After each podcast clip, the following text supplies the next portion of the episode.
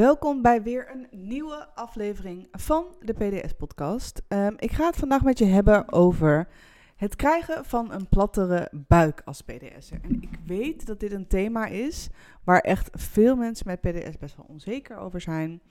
En ehm, ten eerste wil ik je even meegeven dat alles wat jij ziet online, van influencers, fitness-influencers, healthy bitches, ehm, het is geposeerd ik hou ook heel erg van die accounts waar je zeg maar before en after, zeg maar binnen één minuut, uh, zeg maar de waarheid ziet. Zodat er een beetje perspectief wordt geplaatst, want niemand heeft altijd een platte buik. Maar wij als PDS'ers hebben natuurlijk wat vaker last van een opgeblazen buik. En dat kan je gewoon heel erg in de weg zitten. Um, dus ik dacht, laat ik er eens een keer een podcast over maken. Ik ga wat tips geven, wat tricks. Um, en keep in mind, er is geen quick fix. Het is niet binnen vijf minuten weg. Maar als jij op lange termijn steeds stapje voor stapje dingen um, blijft doen die daaraan bijdragen, dan is het eindresultaat natuurlijk altijd beter. Um, ik heb een soort van stappenplannetje gemaakt met allemaal dingen die kunnen helpen. Um, het is voor veel mensen een doelstelling, maar ieder lichaam is anders. En ja, sommige mensen kunnen misschien ook niet zo snel een platte buik krijgen. Daar is helemaal niks mis mee.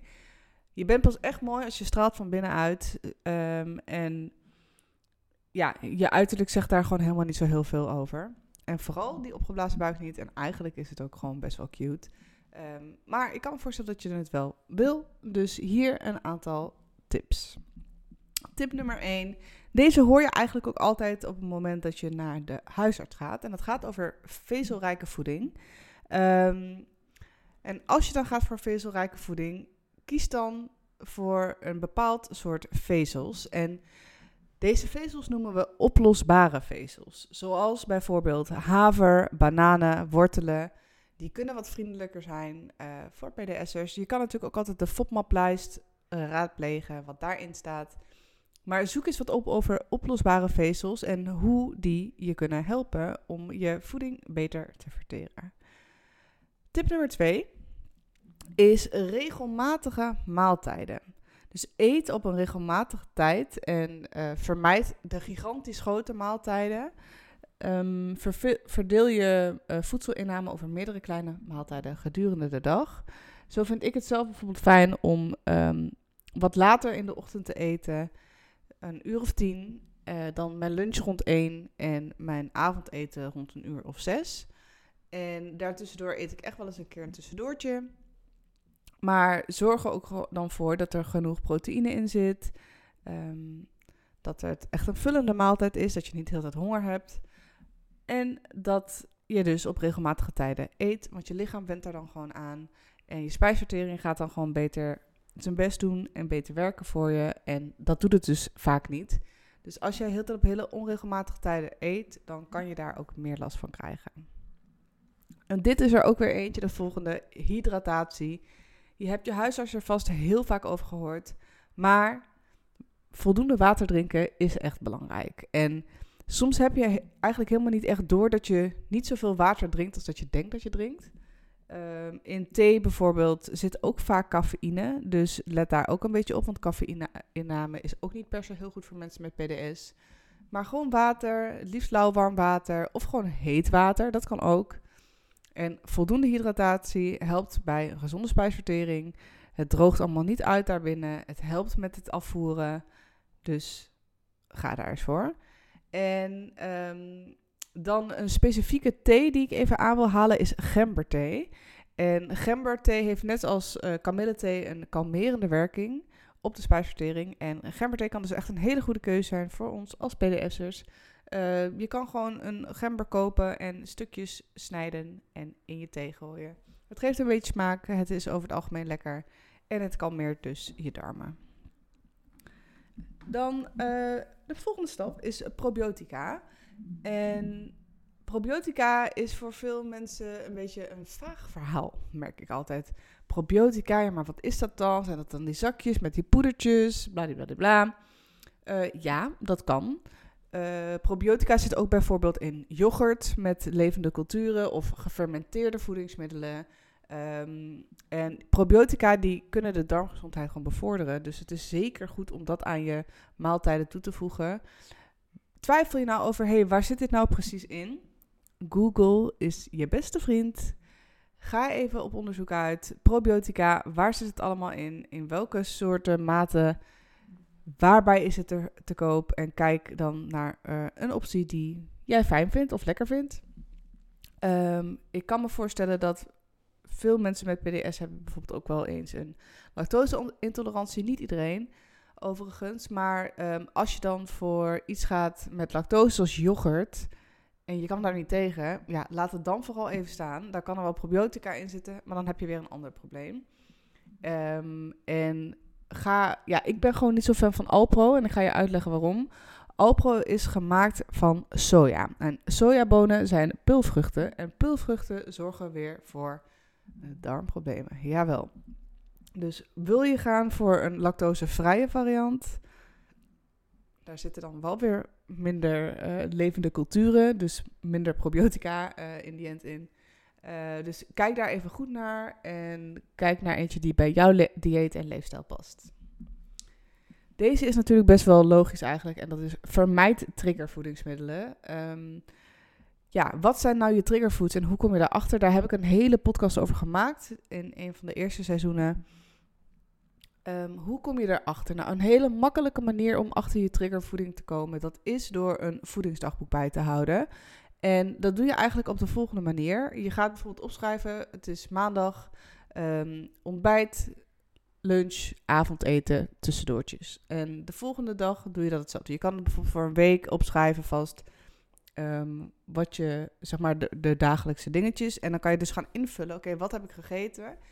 En bij de voedingsmiddelen waar jij een buikpijn van kreeg, daar zet je een kruisje achter, zodat je dat kan identificeren. Je weet dus van, hé, hey, hierna kreeg ik dus last, na deze maaltijd. En de volgende dag ga je weer iets eten. En misschien zit dan hetzelfde bestandsdeel in die maaltijd. En zo kan je erachter komen van waar krijg ik precies last van. Het FODMAP-dieet kan ook. Uh, is iets langere en moeilijke manier om hierachter te komen. Kan heel erg um, helpen, maar ik ben er zelf niet per se fan van. Ik zou het ook niet iedereen aanraden. Uh, het is gewoon best wel pittig en als je het gaat doen, doe het dan alsjeblieft met een diëtist die met je meekijkt. Iemand die er echt verstand van heeft en ga niet zelf maar wat doen en kloten ermee. Um, want je darmen zijn je tweede brein, daar moet je heel erg goed voor zorgen. Doe je dat niet, dan komen die problemen zo weer op je pad. En het verschilt natuurlijk per persoon. Dus ga ook niet met een andere PDS'er vergelijken. Dat heeft helemaal geen zin. Kijk naar welke um, voedingsmiddelen jouw PDS-symptomen verergeren. En ga daarmee aan de slag. Dan de volgende tip is matige lichaamsbeweging. En waarom matige? Um, hele intensieve, zware lichaamsbeweging, dat belast je lichaam en ook je darmen. En uh, daardoor kan het dus zijn dat je juist een ergere opgeblazen buik krijgt. Dus bijvoorbeeld heel heftig fitnessen of hardlopen of whatever, kan voor jou niet de juiste optie zijn. Maar een uh, lange wandeling maken of dansen of uh, misschien fietsen, zwemmen. Zwemmen kan ook best wel heftig zijn, maar rustig zwemmen, baantjes trekken. Dat zijn dan betere opties waar jij voor zou kunnen gaan. Um, doe dit ook regelmatig. Zorg dat je iedere week of het liefst iedere dag even beweegt. En uh, maak misschien voor jezelf een soort van plan van... oké, ik wil iedere dag 5.000, 6.000 stappen zetten. Dus ik ga altijd uh, na het eten een rondje lopen. Whatever. Dan de volgende, uh, dat is stressmanagement. En PDS-symptomen kunnen verergeren bij stress. En het is niet zo dat, uh, dat stress per se de oorzaak is van.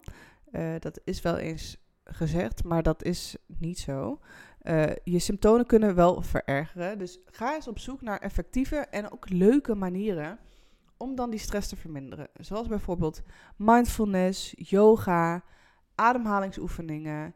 Um, en dat hoeft helemaal geen heftige breathwork te zijn. Gewoon box breathing, waarvan je rustig wordt.